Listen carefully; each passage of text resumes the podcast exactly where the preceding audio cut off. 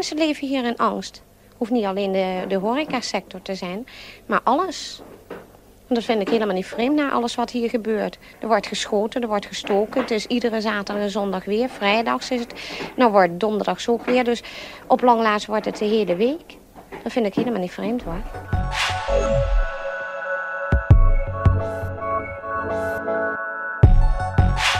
Dag luisteraars, welkom bij een nieuwe podcast van De Gelderlander.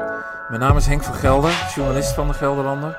Vandaag een aflevering over de GBO, het allereerste arrestatieteam van Nederland. U hoorde vooraf een televisiefragment uit het nieuwsprogramma Brandpunt uit 1970. Eind jaren 60 is de onderwereld de baas in de hoofdstad van Gelderland. Met name de prostitutiebazen uit het Spijkerkwartier trekken een lange neus tegen de politie.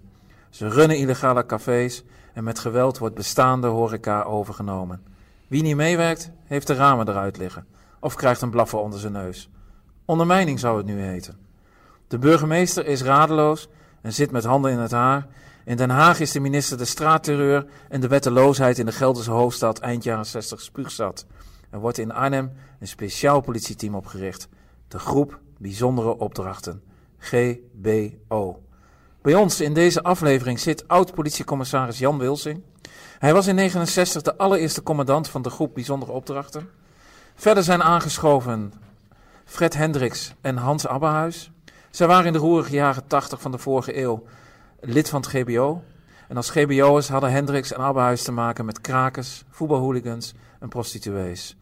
Ook maakten ze destijds in het gehele land jacht op bankovervallers. We beginnen met Jan Wilsing inmiddels gepensioneerd politiecommissaris, destijds nog een jonge hoofdinspecteur.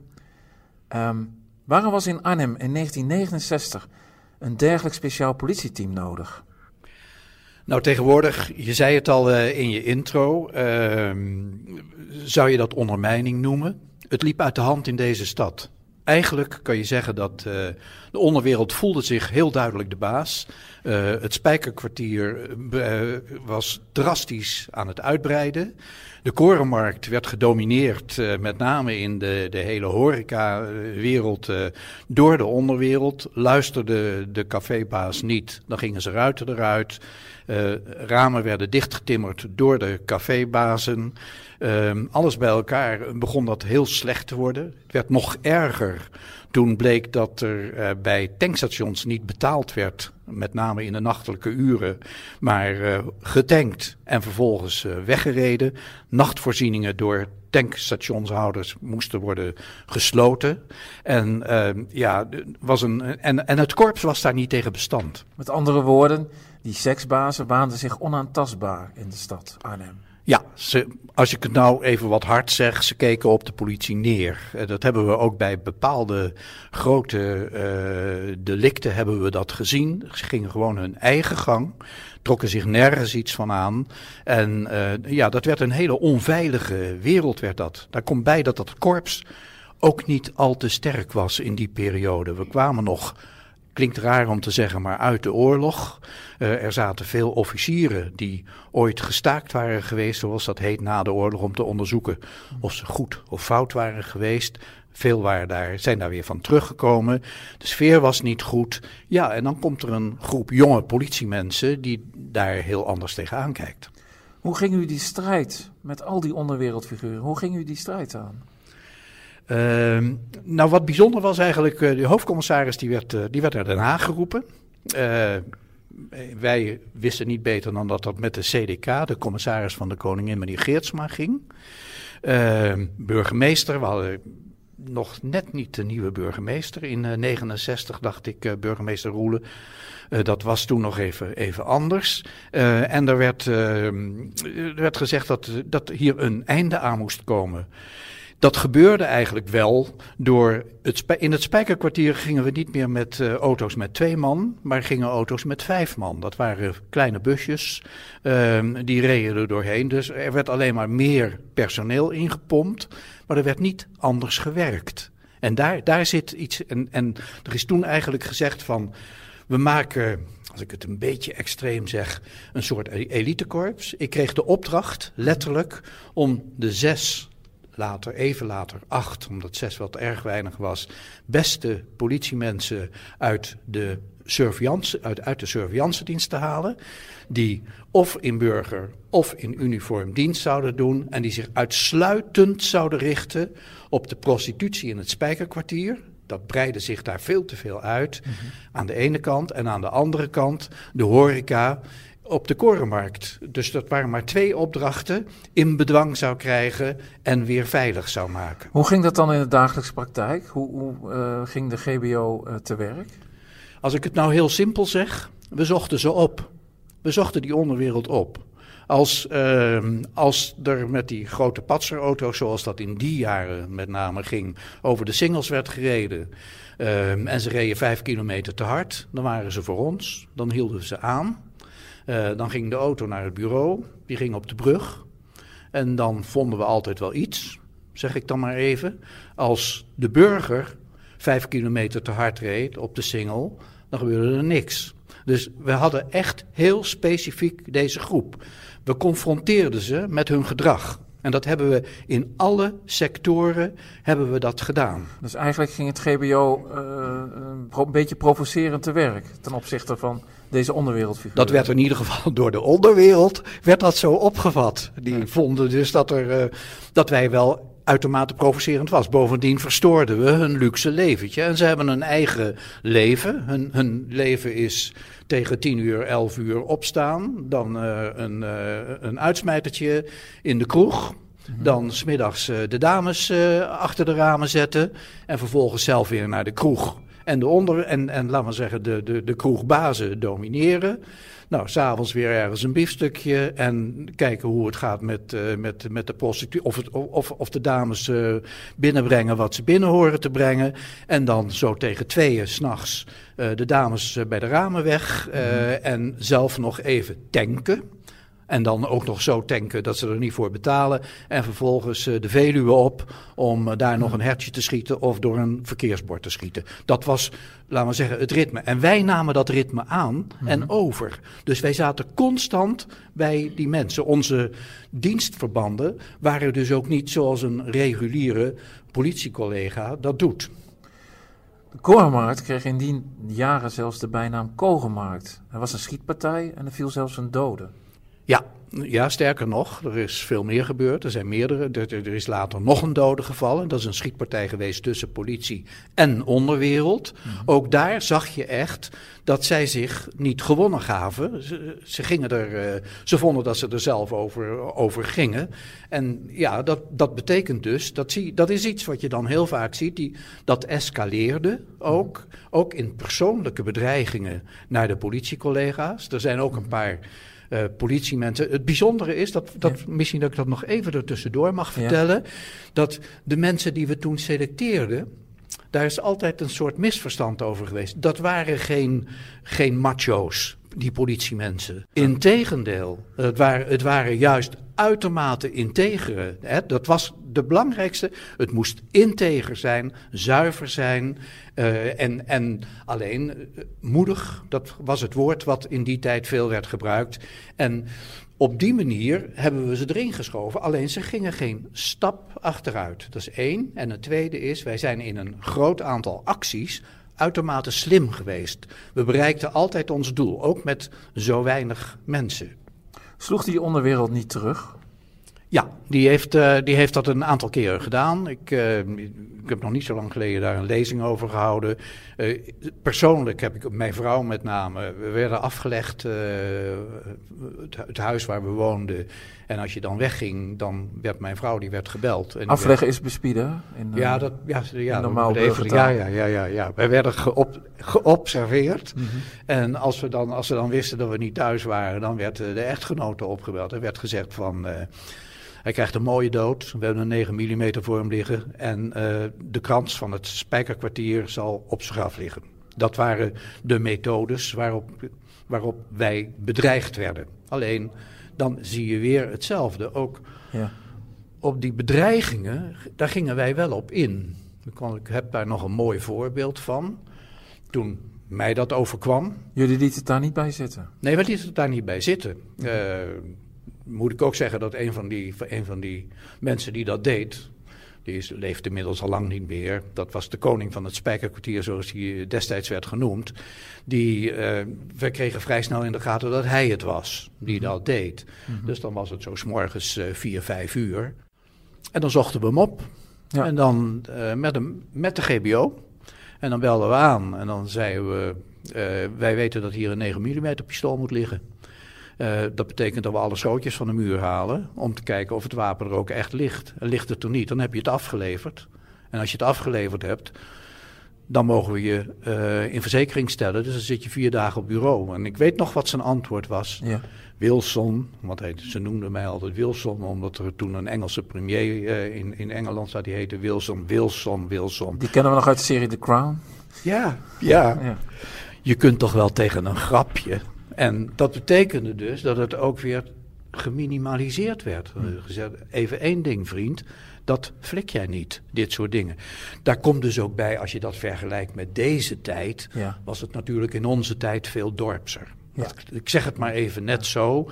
We bleven een relatie houden, uh, alleen van tweeën één.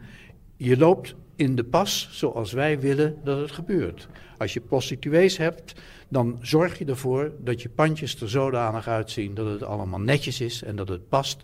Er wordt niet geschoten, er wordt niet gedeeld, er wordt niet gerommeld, et cetera. Gebeurde natuurlijk toch, maar terugdringen. In de eerste jaren gingen natuurlijk hard tegen hard. Ja. Werd die strijd gewonnen? Ja. Die is, ik mag zeggen dat die na drie jaar, vier jaar uh, waren we. Het is begonnen in december 69 januari 70 zijn we gestart. En ik mag zeggen dat we eind 73 ja, klinkt een beetje misschien iets te arrogant, is niet zo bedoeld, maar waren we wel herenmeester. We hadden, we hadden, de, we hadden de club in de hand en we werden ook door uh, andere korpsen uh, als voorbeeld uh, aangehaald. Dus Enschede, Amersfoort, Utrecht, Rotterdam, die een soortgelijke problematiek hadden. Rotterdam met zijn katendrecht. Uh, kwamen kijken en namen dat GBO-systeem, zoals dat werd genoemd, namen dat over. Dus in plaats dat de GBO werd opgeheven, bleef de groep bijzondere opdrachten bestaan? Ja, er gebeurde eigenlijk wel iets anders. Dat is, het werd gezien als een soort panacee. Dus had je een lelijk probleem in je stad, om het maar even zo te zeggen, dan, dan werd ervoor gezorgd, dan, dan werd de GBO ingezet. Dus als ik dat op volgorde zie, uh, heel bijzonder was de kraakwereld. Uh, maar evengoed de uh, totale dienstweigeraars. In Arnhem hadden we het militaire hof. Dus de totaaldienstweigeraars, die moesten dan voor dat hof verschijnen. En die namen een enorme aanhang mee met allerlei uh, demonstraties. Hier met name op dit plein, waar we nu zijn, op het Willemsplein, uh, waren die. En daar, ook daar werd die GBO tegen aangezet. Het gevolg was ook dat klachtenbureaus, die toen in die tijd, met name in de progressieve hoek van, van, van de politiek, mm. klachtenbureaus, maar ook witboeken en zwartboeken, et cetera, over die GBO werden geschreven. Alleen ja, daar hadden we weer hetzelfde. We hadden een bevoegd gezag. En we hadden, onze hoofdcommissaris had een zin. Ik ben later zelf uh, hoofdcommissaris van een korps geworden. Uh, die had een zin die ik overgenomen heb in mijn leiding geven. En dat was altijd: beter korte pijn dan lange smart. Dus dat betekent, als het dan toch moet gebeuren, laten we het dan maar meteen even doen. Nou, en daar, en dat werd wel eens dat werd wel eens wat anders tegen aangekeken. We hebben ook, ik had ook altijd zo'n zin, omdat er in het verleden niet altijd goed werd opgetreden voordat de GBO er was, dacht ik. ik wel eens beter een klacht te veel dan niet optreden. En dat werd wel eens vertaald door beter een klap te veel. En dat was niet zo. Dat blijf ik tot op de dag van vandaag ontkennen. Maar het, laat zo zeggen, het was dus wel stevig, stevig optreden. Ja, dus Nijmegenaren die nou misschien al op bed of uh, van bed zijn. Van blijf eens lekker thuis en of thuis, blijf lekker uh, van je werk en kom hier naar de Piersonstraat. Ja, inderdaad. mogelijk in de buurt. Kom ons helpen in plaats van werken. Zo ja, daar komt het dan op neer. Wim, ja? er ligt een politieauto op zijn kop in de Walstraat. Oh ja? Of in de Burgstraat, dat weten we eigenlijk niet. Maar in ieder geval ligt er een op zijn kop. Nou, er gaat een ontzettend gejuich op hier ja. op de straat. Laten er maar meerdere volgen. Ja, nou, te gek bericht. Oké. Okay. Uh, we gaan een plaatje. Ja, doen we. Nijmegen, februariochtend in 1981. De Waalstaat verkeert in staat van oorlog. Tanks, duizenden ME's maken zich op voor de ontruiming van krakersbolwerk Pierson. Vanuit kraakpand Pontanus houdt Radio Rattenplan via de ether de Nijmeegse krakers op de hoogte van de politiemacht in de stad. In een tijd zonder mobiele telefoons, internet en Twitter geldt Rattenplan als de allerbelangrijkste informatiebron voor de kraakbeweging. De GBO uit Arnhem bevindt zich in de frontlinie. Het elite-team uit Arnhem krijgt de geheime opdracht om Radio Rattenplan de mond te snoeren. Hans Abberhuis, lid van het GBO, jij was daarbij. Hoe verliep die actie? Nou, het was inderdaad februari 1981. Het was een uh, opdracht aan de GBO om die Radio Rattenplan uh, het zwijgen op te leggen. Maar zo eenvoudig was dat niet, want het was natuurlijk een opdracht die ja, niet echt een politieopdracht is in, in de normale zin van het woord. Um, er moet ook snel gehandeld worden, want het bleek dat Radio Rattenplan was natuurlijk het epicentrum van contacten van het Krakersbolwerk. Um, Wat deden jullie dan? Wij bereiden ons voor, het was vrij snel. Het moest allemaal uh, binnen 24 uur geregeld zijn. Dus we hadden ook geen tijd om iets te plannen of voor te bereiden of te bedenken of te plaatsen. Onze kennis te verbreden met waar moeten we zijn, wat moeten we doen. Ik weet nog wel, we werden ondergebracht uh, in Nijmegen in een, boven ergens bij een apotheek. Ik dacht aan de Annastraat, ik weet het niet zeker meer. En we moesten dan, kost wat kost, die radio uitschakelen. De verbinding moest verbroken worden. We kregen ook groen licht om uh, alles te doen wat we eigenlijk normaal niet zouden doen. Uh, aanhoudingen waren niet gepland. Alleen het, het, het, de radio moest het zwijgen opgelegd worden. Dat was de opdracht. Hoe, hoe zijn jullie dat pand uh, waar die studio zat van Radio Rattenplan binnengedrongen? ja, dat was wel een aardige. Het bleek dat de radio, die bevond zich, het hele centrum bevond zich aan op de bovenverdieping aan een pand aan de Pisonstraat. Daar konden we niet door de voordeur niet bij. Dus we moesten via de achterkant, via allerlei omwegen, via tuinen en hekwerk en muurtjes, maar zien in het donker zo dicht mogelijk bij het pand te komen. Er moest ook nog een ladder meegenomen worden zonder dat men dat merkte. En het was echt een, een kamikaze-actie in die zin dat je niet wist waar je terecht kwam. Ongeveer wist je waar je moest zijn. Ladder tegen de muur. Uh, het raam stond gelukkig open, want het was, goed, het was op dat moment redelijk goed weer. En we zagen, we kwamen naar binnen. Het was één groot uh, vloeroppervlak met een hele grote, ja, hoe zal ik het zeggen, um, opening voor mensen die van beneden naar boven konden. Die werd vastgehouden door een staalkabel. En die staalkabel die moest als eerste worden vernietigd, want dan kon er niemand meer naar boven. Dus iedereen die er nog was van het krakersbolwerk, die ging naar beneden, of werd gesommeerd naar beneden te gaan. We vernielden die kabel, de klep viel dicht. Dus er kon niemand meer naar boven. Maar inmiddels werd het beneden natuurlijk wel, was er paniek. Werd de alarm geslagen? Er werd alarm geslagen, dus we moesten snel handelen. We hebben toen de opdracht gekregen om alles te vernielen. Wat maar enigszins in combinatie stond met het verzenden van geluid of van stemgeluid of wat dan ook, van muziek. Dus de zender moest vernield worden. Uh, LP's, Hoe deden jullie dat dan? Waarmee? Met, met hamers en bijlen. Alles wat maar voor de Jullie hadden hamers en bijlen meegenomen en de hele studio was kort en klein? Nou, niet de hele studio kort en klein, maar alles wat maar in relatie stond tot het verzenden van, van berichten. In ieder geval de apparatuur moest vernield worden. En alles wat daarmee in verband zou kunnen staan, waardoor de uitzendingen eigenlijk niet meer plaats konden vinden. Die staalkabel was vernietigd. Men kon niet meer van, uh, van beneden, beneden, naar boven. Maar jullie konden ook niet meer van boven naar beneden. Hoe zijn jullie daar weggekomen? Wij zijn via de, uh, hetzelfde raam waarin we kwamen, weer teruggeklommen met de trap naar beneden in de richting tuinen. Achterkant pand.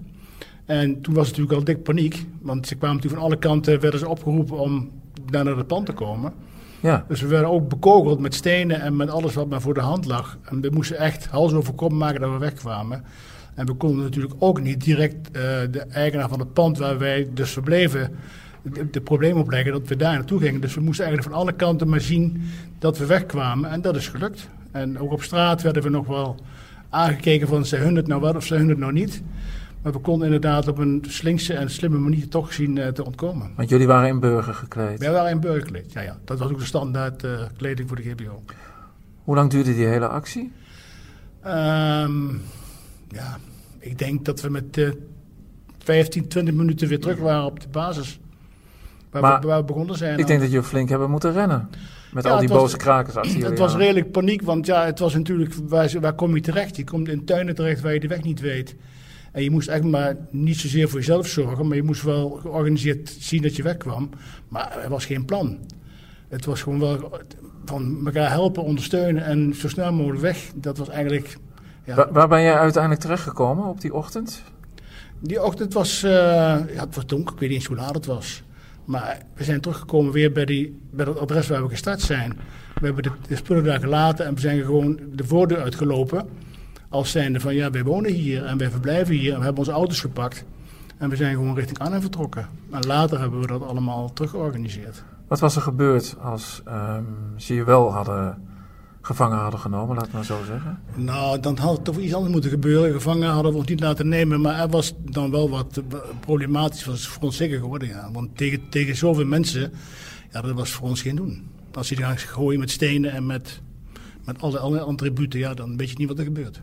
Uh, Fred Hendricks, uh, iets later uh, bij het GBO gekomen dan, dan Hans Abbehuis had natuurlijk veel te maken met krakers, zowel in Nijmegen als in Arnhem. Maar wat deden jullie als GBO nog meer?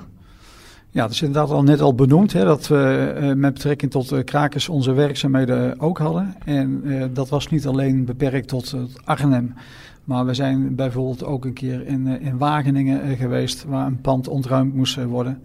Ik zie de krakers nog steeds voor me, helemaal verbaasd, want ze herkenden ons en uh, de eerste klacht die, eh, die kwam al meteen naar de politie toe. De geuniformeerde mensen die daar waren van wat moet de GWO uit Arnhem hier? En, maar zonder problemen gingen de krakers het pand uit. Dus dat was voor ons een heel makkelijk klusje. En buiten dat, uh, we hadden destijds natuurlijk uh, het voetbalstadion Monnikenhuizen nog uh, van, van Vitesse. Waar Vitesse speelde? Ja, ehm, daar hadden wij de, de, de controle, de openbare orde binnen het stadion. het is nu natuurlijk met de Gelderdoom is het een heel ander verhaal geworden.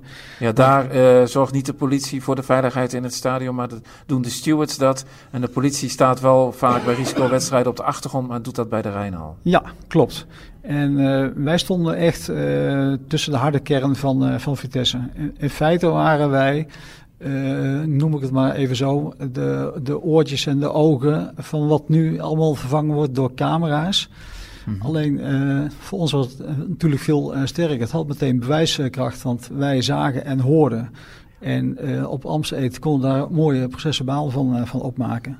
En nu gaat het allemaal natuurlijk via camera's.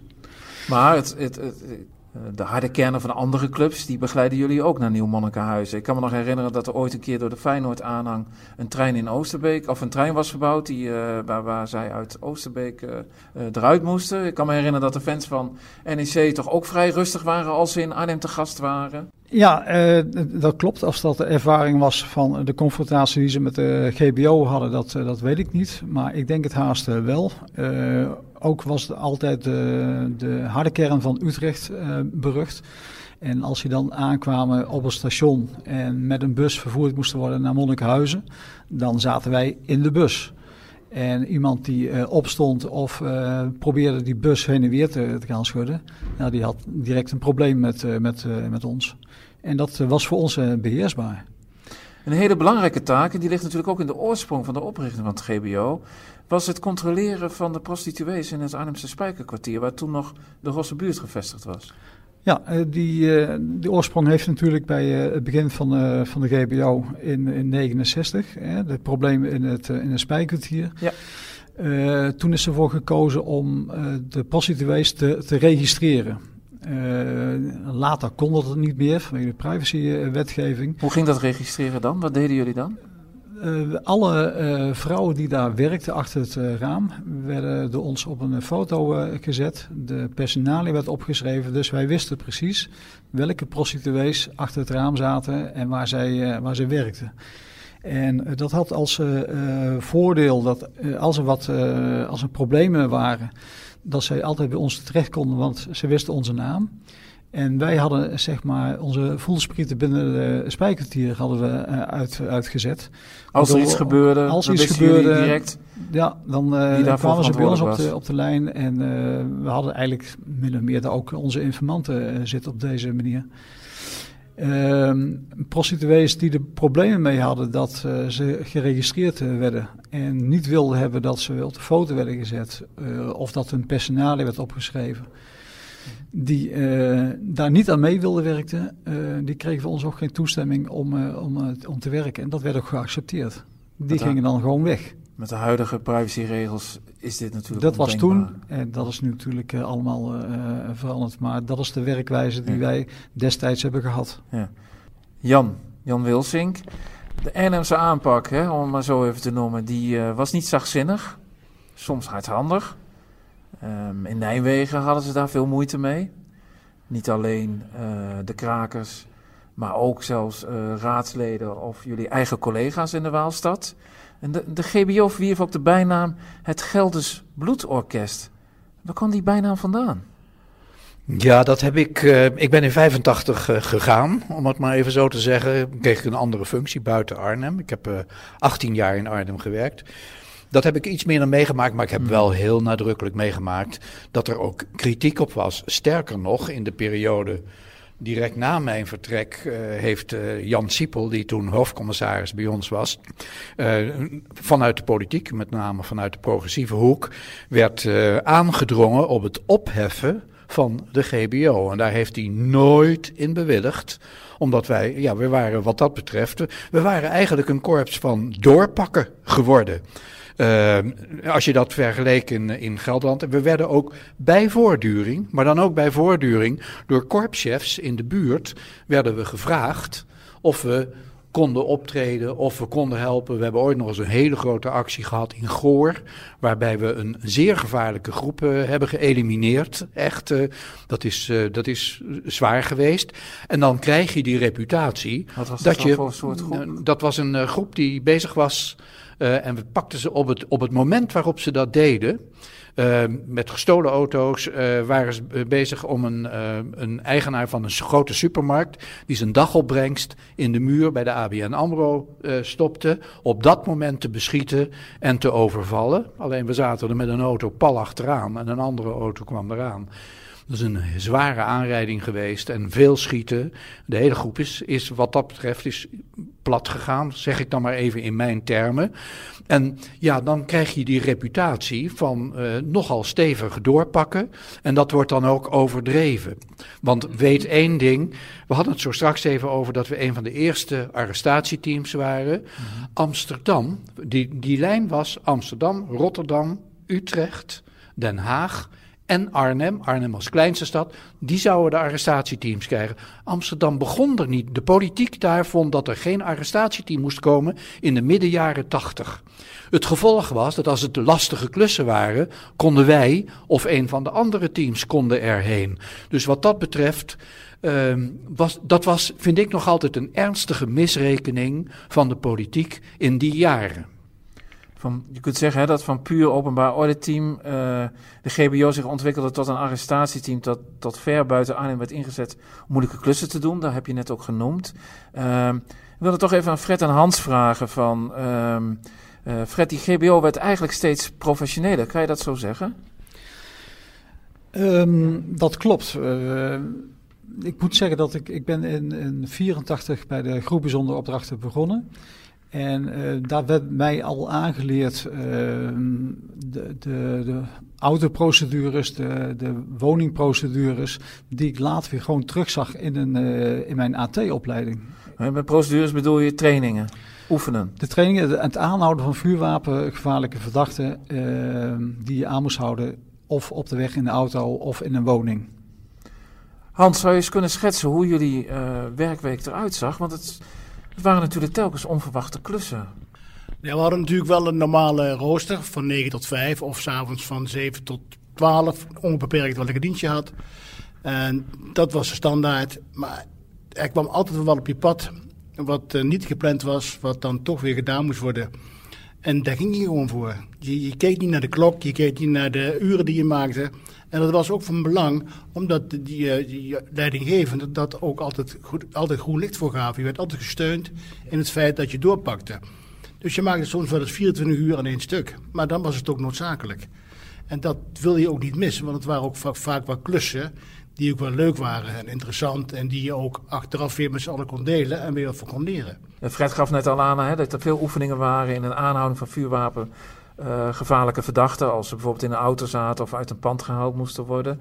Maar hoe bleven jullie zelf fit? Hoe, hoe, ging, dat, hoe ging dat? Nou ja, je had natuurlijk altijd je wandel- en, en hardloopdiploma nodig om daar bij de HBO te mogen functioneren. En een hele belangrijke rol heeft daarin gespeeld uh, Egbert Nijstad. Die ons uh, Bekend marathonloper. marathonloper. Dan gingen we elke dinsdagmorgen hardlopen en dat waren niet echt de kleine afstanden. En ik kan me nog wel herinneren, we liepen ergens in de buurt van Delen, Delen Woud in die hoek. En dan hadden we toch zeker anderhalf uur gelopen. We, we waren echt kapot. En dan ging Egbert achteruit lopen. En dan zei hij van luister eens naar de vogels en kijk eens naar de bloemen. En dan liep hij ons nog eruit. Dus het was wel heel pijnlijk voor ons soms dat hij achteruit nog harder liep als wij vooruit. Maar goed, ook het programma met betrekking tot uh, uh, fysieke uh, vaardigheden met vechten of, judo of al dat soort zaken. Dat werd heel langzaam intern ontwikkeld. Want jij, Fred, ik begreep dat jij vooral ook chauffeur was hè, binnen het GBO-team. Uh, we, hebben, we hebben het over krakers gehad, we hebben het over voetbalfans gehad, we hebben het over prostituees gehad. Um, maar waar we het nog niet over gehad hebben, jullie waren ook tot ver buiten Arnhem, eigenlijk in het hele land, van Limburg tot en met Noord-Holland, hebben jullie heel veel jacht gemaakt op bankovervallers. Ja, dat, uh, dat klopt. Wij werden daarvoor uh, voor ingezet. wat Jan Wilsing net al vertelde, bijvoorbeeld in, in, in Amsterdam, waar toen de tijd nog geen arrestatieteam was uh, die aanvragen vanuit het hele land. En een van die aanvragen die leidde ons uh, in combinatie met het uh, observatieteam achter een paar bankovervallers die ons leidden uiteindelijk naar een bank in plaats Zandpoort in het, in het westen. En, um, dat ligt in Noord-Holland, vlakbij Ermuiden. Ja, het mooie van dat verhaal is dat uh, de officier van justitie destijds uh, wist, uh, en wij uiteraard ook, dat deze bankovervallers een bepaalde bank zouden gaan pakken. En het moest zover komen dat het een, een strafbare poging was. En die strafbare poging destijds die was niet zo ruim als dat die nu is. Dat betekende dat uh, de overvallers naar de deur moesten lopen, de klink uh, vast moesten hebben om vervolgens uh, die strafbare poging te kunnen vaststellen. Nou, dat was natuurlijk wel een. Want een anders kon je niet in actie komen en kon je ze niet arresteren. Ja, dat kon wel. Alleen. Nee, ja, precies. Wil je die strafbare poging zeg maar kunnen bewijzen, dan moest dat gebeuren. Dat betekent dat wij heel scherp moesten zijn. En het observatieteam had ons daar naartoe geleid. En, en we hadden toen een, een, een prima chef en die zei: wachten, wachten, wachten. Ja, nu. En vervolgens naartoe rennen. En wij uh, ze hadden die klink vast en stonden net op het punt om naar binnen te gaan. Het mooie van dat verhaal is dat uh, deze betreffende lieden destijds bij de rechter hebben gezegd van ja, maar wij waren helemaal niet uh, van plan op dat moment die bank te overvallen. Het was voor ons een, een, een oefening. Uh, dus we wilden dat later misschien wel nog wel een keertje doen, maar misschien ook niet. Uiteindelijk zijn deze uh, mensen gewoon veroordeeld. Um, Jan, je hebt het al even aangestipt. Het GBO, dat is ook net geschetst door Hans en door Fred, werd steeds uh, professioneler. Er werd hard getraind. Er werd getraind op, op aanhouden van vuurwapen en uh, gevaarlijke verdachten. En maar in 1984 worden in Nederland de eerste vijf officiële arrestatieteams opgericht: Amsterdam, Rotterdam, Den Haag, Utrecht en Arnhem. Een kleine stad in het oosten van het land. Ja, ja, ik moet één uh, bemerking maken. Ja. Uh, er waren van de Rijkspolitie, we waren toen nog gemeente en Rijkspolitie. De Rijkspolitie had vier arrestatieteams over het land verdeeld. Dus die deed in, in, in hun competentiegebieden, deden zij het werk. En wij werden, Binnenlandse Zaken richtten er dus vijf op. En dat waren wij vijven. En Arnhem was daarbij uh, inderdaad de kleinste. Maar we hadden de expertise. En we hadden, moet ik ook zeggen, um, een hoofdcommissaris die heel goed ingevoerd was uh, bij Binnenlandse Zaken. Um, men was ook heel erg op hem gesteld. Wij weten dat hij ooit naar Den Haag gevraagd is, maar dat heeft hij niet gedaan, omdat hij het heel goed naar zijn zin had hier. Um, en die zorgde ervoor dat, laat maar zeggen, dat wij die taken er allemaal bij kregen. En Hans gaf dat net heel mooi aan. Het gebeurde wel dat je 24 uur uh, achter elkaar in dienst was. We pakten ook alles. Ik zal nooit vergeten. Uh, op een gegeven ogenblik moesten wij een beruchte uh, crimineel uit, uh, uit Arnhem, een hele beruchte, moesten we aanhouden. En die, we wisten dat hij in Bodegraven ergens in een pandje zat. Gordijnen, alles gesloten. De adjudant die daar zat van de Rijkspolitie zei: Ja, we hebben geen tijd en geen gelegenheid om er iets aan te doen. Dat was altijd typisch Arnhem en typisch GBO. Dat doen wij het. Dat is geen verder, helemaal geen enkel probleem. We doen het zelf. We doen dat. We posten daar. Nou, ik weet nog dat na drie dagen constant 24 uur per dag posten. Krijg ik een telefoontje thuis hij zit er. We hebben hem gezien door de, door de jaloezieën heen. Ehm, we kunnen hem aanhouden. Oké, akkoord. Even een man of uh, twaalf, dus de hele GBO. En ik bel een van de GBO'ers op. Ik zeg, en dat was een hardloper. Ik had een hardloper nodig. Dat was Ulke Bauma. Die was de eeuwige, na Egbert Nijstad de eeuwige tweede. Ik zeg, uh, Ulke, ik heb je nodig. Uh, zus en zo. Ik kom eraan. Nou, dus wij vliegen daarheen. We doen die actie. Die loopt gesmeerd. We houden hem aan. En na afloop komt Ulke naar me toe en die zegt: Ja, ik wil toch even wat tegen je zeggen. Het was over twaalf. Hij zegt: uh, Gisteren, toen jij mij uh, dat seintje gaf, uh, ik was jarig. Er zaten twintig man in de kamer. Ik zei: Waarom heb je dat niet gezegd? Hij zei: Ja, maar het was toch wel een mooie actie. En, nou, en dat was eigenlijk dat was de mentaliteit van de mannen. We wisten dat we, het lukte. Het lukte altijd en we wisten ook dat de hoogste baas, Paul, achter ons stond. Fred, die arrestatieteams werden opgericht en daar kwam ook een opleiding bij en die ben jij gaan volgen. Waar was die opleiding? Die opleiding was in Ossendrecht, bij, uh, bij Woensdrecht. En uh, dat was de eerste opleiding voor, uh, voor gemeentepolitie.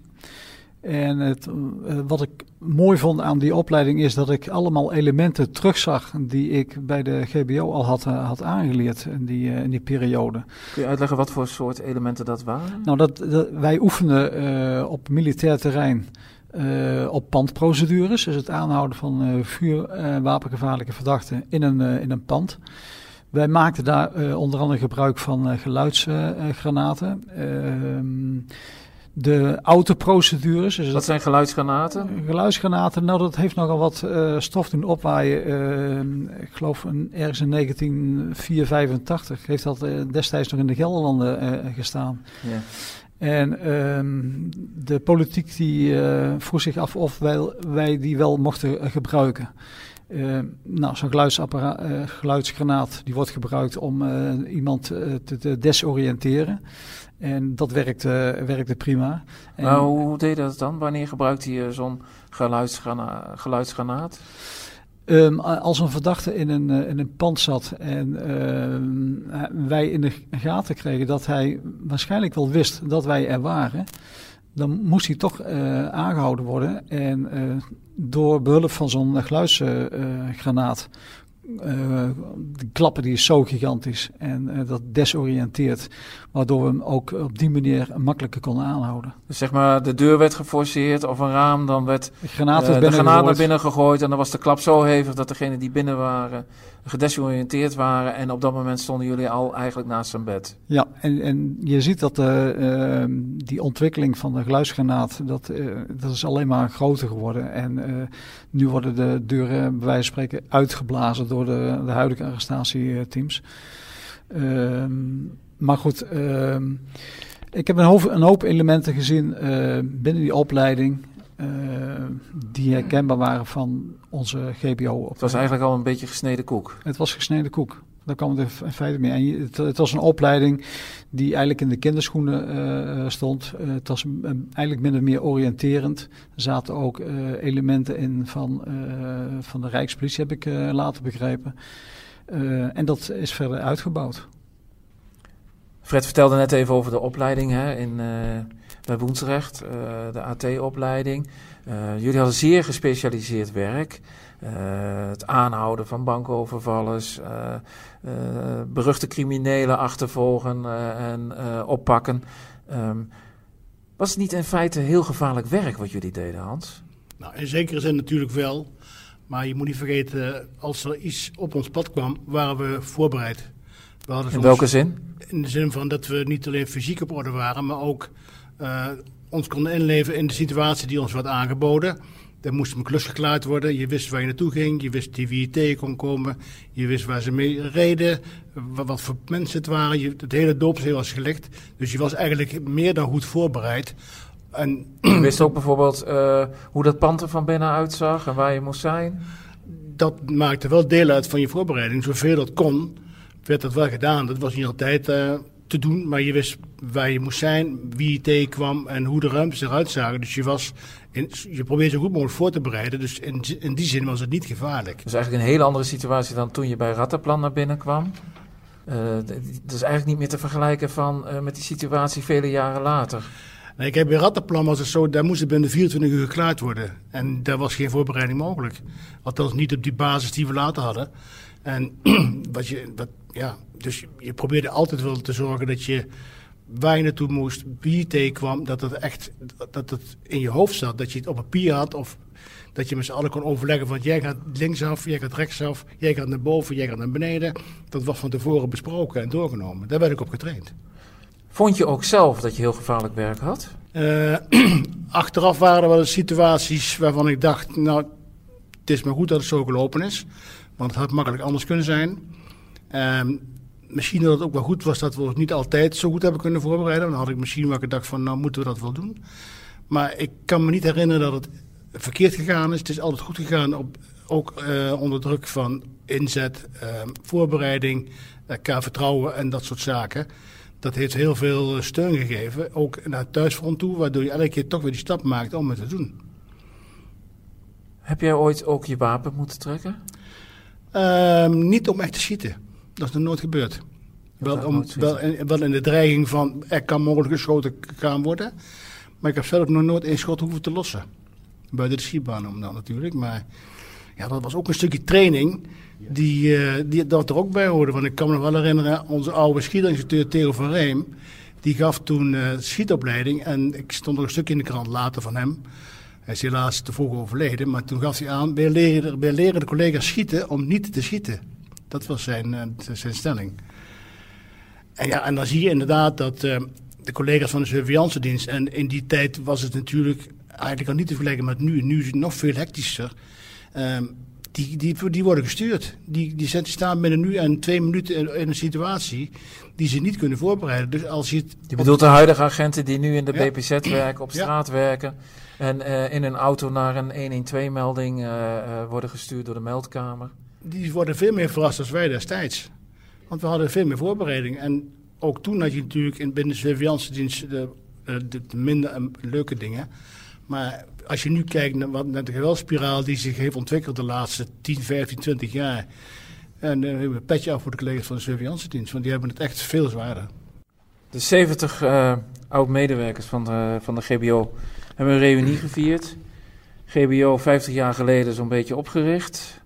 Um, op het journaal zien we nu vaak optredens van zwaar bewapende arrestatieteams. Uh, mannen die uh, aankomen rijden in snelle auto's, met bivakmuts op, uitstappen. Um, en um, zich aankleden en, en gereed maken om tot actie over te gaan. Dan gaat het vaak om terreurverdachten of verwarde personen. En ook, net als in jullie tijd, om vuurwapengevaarlijke criminelen.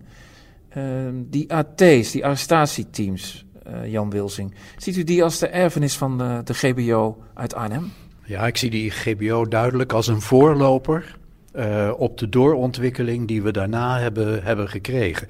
Ik denk dat je, en dat is overigens een van de zegeningen van die nationale politie. We hebben dat in de top van de politie hebben we dat heel erg goed geprofessionaliseerd.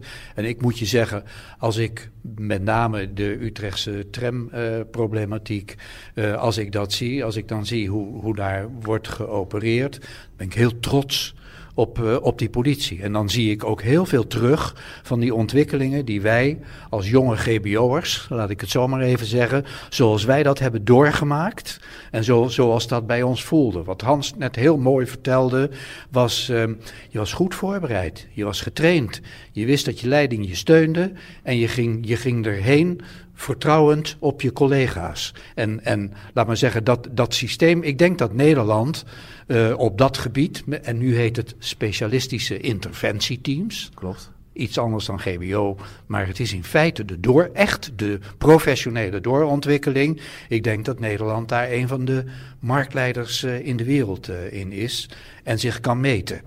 Jan Wilsing, Hans Abbehuis, Fred Hendricks, Ontzettend bedankt dat jullie ons hebben meegenomen uh, in het werk van de GBO, het allereerste arrestatieteam van Nederland. Lees het volledige verhaal over het GBO in onze zaterdagbijlage in de papieren krant en op de website dg.nl en in de app. Mijn naam is Henk van Gelder, journalist van de Gelderlander. Heeft u na het luisteren uh, van deze podcast opmerkingen of tips? dan kunt u die mailen naar h.vgelder.apenstaatje gelderlander.nl